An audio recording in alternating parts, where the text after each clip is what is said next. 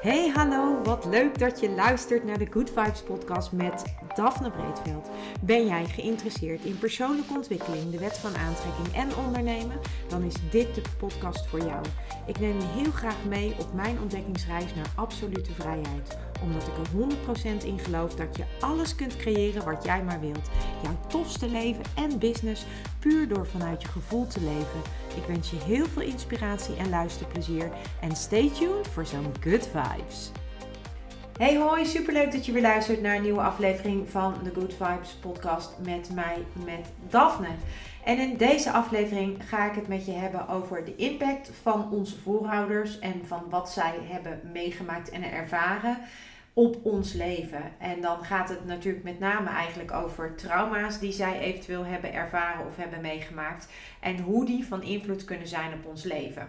De reden dat ik deze podcastaflevering opneem is omdat ik afgelopen weken, twee weken, heb ik een fantastische serie gekeken op Netflix. En ehm, de serie is een Turkse serie en de Engelse vertaling is Another Self. Maar ehm, hij heeft een uh, Turkse naam en Ehm, het is iets van uh, Zetin Agazi. En het komt er dus op neer dat in deze serie gaan drie vriendinnen die uh, ontdekken eigenlijk door wat ze met elkaar meemaken, wat de impact is van hun voorouderlijnen op hun. En dat, dat vind ik mega interessant. Um, het gaat dus met name ook over systemisch werk. Want systemisch werk is eigenlijk dat wat je kunt doen uh, om van bepaalde meegekregen uh, trauma's of uh, ja, dingen die eigenlijk in jou zitten waarvan je zelf niet weet hoe je daar aankomt. Uh, maar wat gewoon is wat het is, dat je die eigenlijk kunt gaan bekijken, die thema's, of misschien ook wel bepaalde trauma's, waardoor je, waardoor je eigenlijk in het systeem terechtkomt. En het systeem, dat bedoel ik dan het oudersysteem, dus de systeem lijn van jou uh, als persoon, die bestaat uit de lijn van je vader en de lijn van je moeder. En daarachter staan natuurlijk ook weer allerlei uh, voorouders. Dus uh, achter jouw vader staat jouw opa en jouw oma. En achter jouw moeder staan ook weer een oma en een opa. Nou, zo als je dan puur op de vrouwenlijn gaat kijken, dan kijk je dus naar, alle, naar alles wat er achter jouw moeder staat in vrouwenlijn. En als je naar de vaderlijn gaat kijken, dan kijk je naar alles wat er achter jouw vader staat in de vaderlijn. Dus eigenlijk in de voorouderlijn. Dat is uh, kort door de bocht systemisch werk. En dat kun je op allerlei verschillende manieren doen. En een van de manieren is dat je bijvoorbeeld mensen um, aanwijst die een bepaalde rol gaan vertolken van jouw systeem. En dan um, door, doordat er dan energetische verbindingen zijn, kunnen die mensen gaan ervaren wat jouw voorouders hebben ervaren. En daarmee kun je dus trauma's uh, op, oplossen of trauma's helen eigenlijk moet ik zeggen.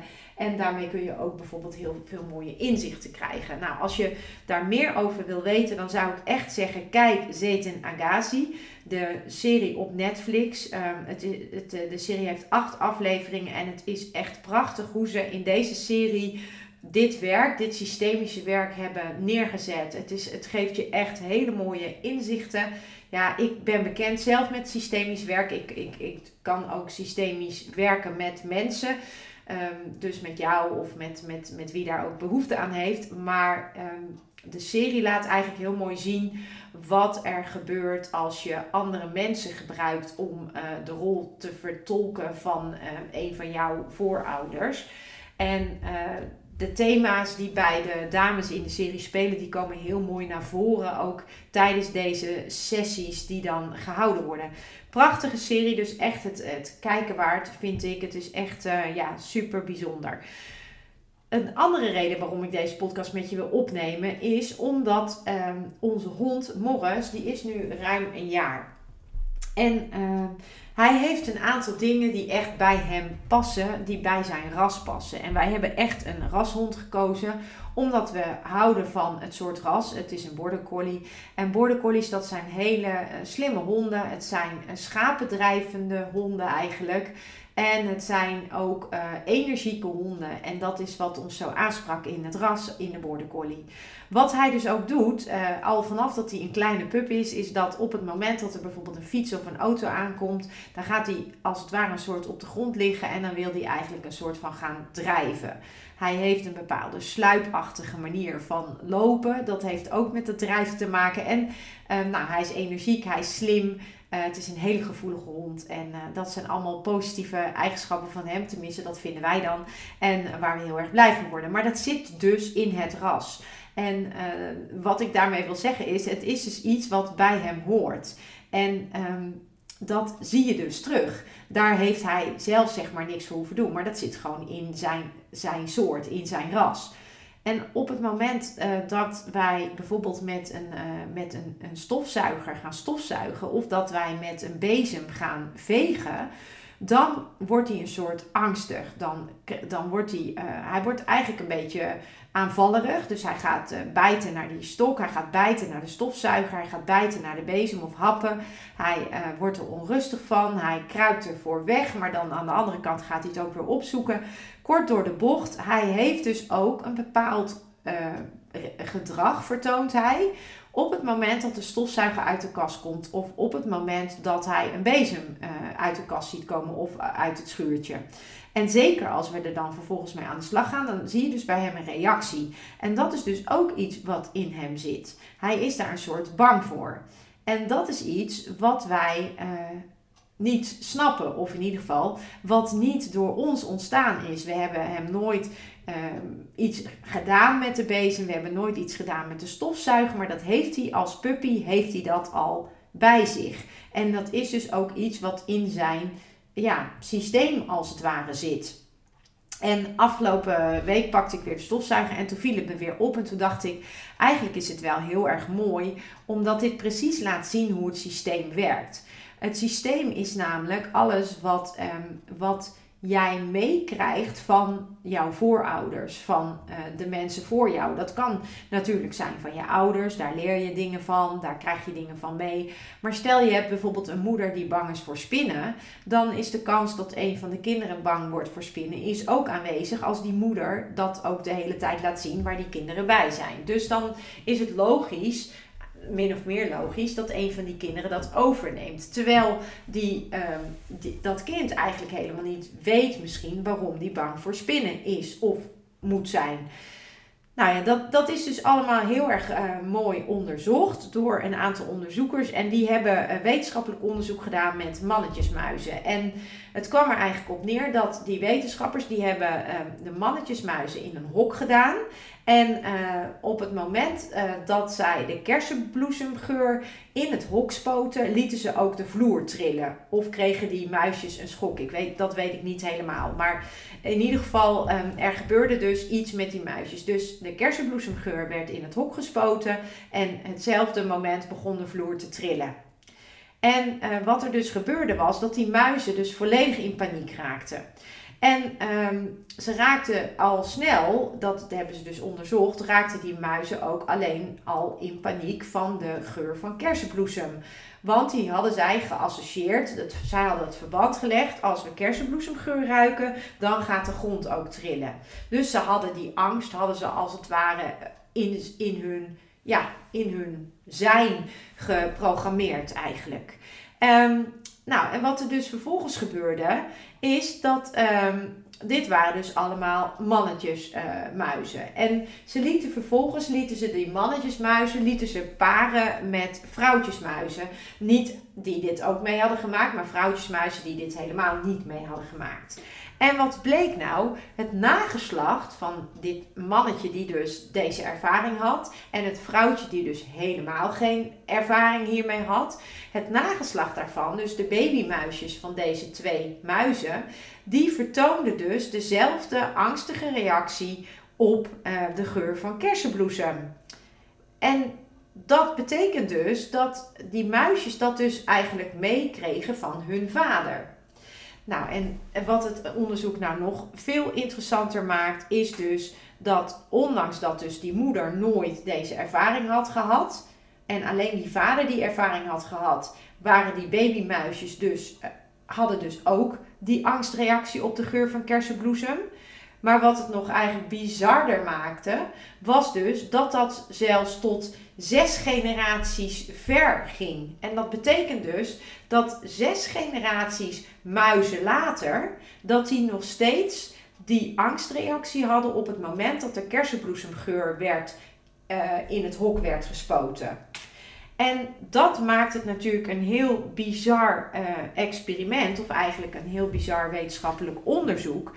Want moet je voorstellen dat dat bij ons mensen ook zo werkt. Dat wij dus tot wel zes generaties nog dingen met ons mee kunnen slepen. Die eigenlijk dus niet van ons zijn, waarvan we misschien ook niet eens weten hoe het bij ons is ontstaan, maar waar wij misschien wel last van hebben. En ik heb bijvoorbeeld angst voor spinnen. Ik noemde dat net al als voorbeeld. En ik ben heel erg bewust, probeer ik dus dat niet over te hebben gebracht op mijn kinderen omdat ik, dat, uh, omdat ik weet dat ik zelf dat heel vervelend vind dat ik daar angstig voor ben. Maar eigenlijk heb ik geen idee waarom ik angstig ben voor spinnen. Ik zou het niet weten. En zo, um, het kan best zijn, mijn moeder was niet angstig voor spinnen, mijn vader ook niet. Dus uh, de vraag is dan, ja, waar komt dat dan vandaan? Heb ik dan misschien in mijn hele vroege jeugd een ervaring gehad? Uh, dat zou natuurlijk kunnen, wat ik niet waar ik me niet meer bewust van ben, maar dat het daar misschien zit, dat zou natuurlijk kunnen. Maar zo is het dus uh, met heel veel dingen. Dat het dus kan zijn dat jij dus iets hebt, dat jij iets bij je draagt, wat jij dus niet zelf Ehm, wat dus niet ontstaan is door jouzelf, maar wat wel als het ware een soort is overgegeven van je vader of je moeder op jou. En dat kan dus tot wel zes generaties daarvoor. En dat betekent dus dat op het moment dat jij een bepaald thema hebt in je leven, wat elke keer weer terugkomt, en waar je misschien al lang aan gewerkt hebt met, een, met hulp, of misschien wel zelf mee aan de slag bent gegaan, en je, je, kunt er niet, je komt er niet van af, en je herkent bijvoorbeeld het thema bij een van je ouders, uh, bijvoorbeeld, uh, uh, stel je bent heel erg perfectionistisch en je herkent dat bijvoorbeeld een van je ouders heel erg perfectionistisch is. Of je hebt bijvoorbeeld angst voor water en je herkent dat bijvoorbeeld bij een van je ouders. Of, nou ja, zo kan er eigenlijk van alles zijn waardoor je dus uh, wat je dus bij je draagt, wat je misschien wel in een van je ouders herkent, dan kan het dus heel goed zijn dat dat dus te maken heeft met dit verhaal van die muizen wat ik je net vertelde. Want eigenlijk zijn we als mensen niet zoveel anders dan muizen. En dat betekent dus ook dat wij dus eh, bepaalde geconditioneerde angsten of geconditioneerde dingen met ons mee kunnen dragen, die misschien wel zes generaties oud zijn. En dat betekent dus ook dat uh, vaak weten wij bijvoorbeeld wel, we, kennen onze ouders natuurlijk, we kennen, over het algemeen, we kennen onze opa's en oma's.